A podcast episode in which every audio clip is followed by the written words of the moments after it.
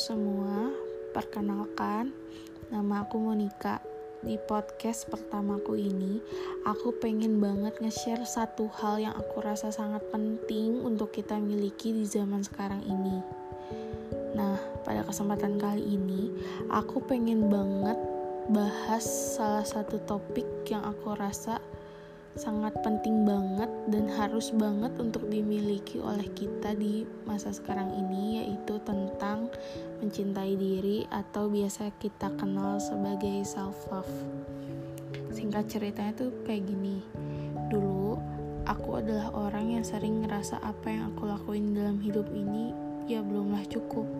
Suka ngerasa kesel, dan juga sedih ketika nggak mampu sesuatu ataupun udah gagal ngelakuin sesuatu. Berpikir kalau mau dihargai seseorang, ya harus bisa terlihat sempurna di mata orang lain dan selalu ngerasa kalau kebahagiaan kita itu ya berasal dari orang lain. Tapi ternyata semua hal yang aku pikirin itu salah setelah aku mulai belajar tentang mencintai diri atau self love. Nah, mencintai diri sendiri itu buat aku adalah sebuah momen di mana kita bisa menghargai diri kita sendiri dan juga menerima segala kekurangan yang ada di dalam diri kita. Dulu, aku berpikir kalau bahagia itu ya berasal dari orang lain, tapi ternyata itu semua salah kebahagiaan yang sebenarnya itu ya berasal dari diri kita sendiri. Kita bisa ngelakuin banyak hal yang kita suka, kayak pergi ke tempat-tempat favorit kita, ngelakuin hal-hal yang kita suka, ngedengerin musik favorit kita, makan makanan yang kita suka, dan masih banyak hal lain yang dapat kita lakuin. Aku juga berusaha memaafkan kesalahanku di masa lalu dan menerima semua kekurangan yang aku miliki dan juga tentunya mengakui kalau aku ini seorang manusia yang pastinya akan selalu punya kesalahan di dalam hidupnya. Hal yang selalu aku lakuin ketika aku ngerasa I'm not good enough dan saat benar-benar lagi ngerasa down adalah dengan ngomong ke diri sendiri di depan kaca.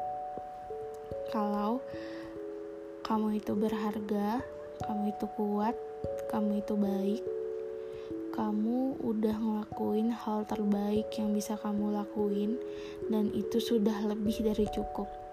Dan gak apa-apa kalau kamu gagal sekarang. Kamu bisa coba lagi nanti bukan? Dan percaya atau enggak itu salah satu cara gimana aku selalu naikin moodku dan bisa ngerasa lebih baik setelahnya proses mencintai diri yang aku lalui itu emang cukup panjang. Banyak hal yang perlu dilewati untuk sampai ke titik ini.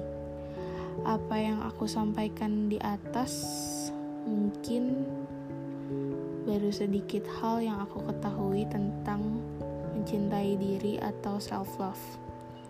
Tapi yang selalu aku percaya di saat kita mencintai diri kita sendiri, kita dapat menghargai diri kita sendiri tentunya dan juga orang lain di sekitar kita.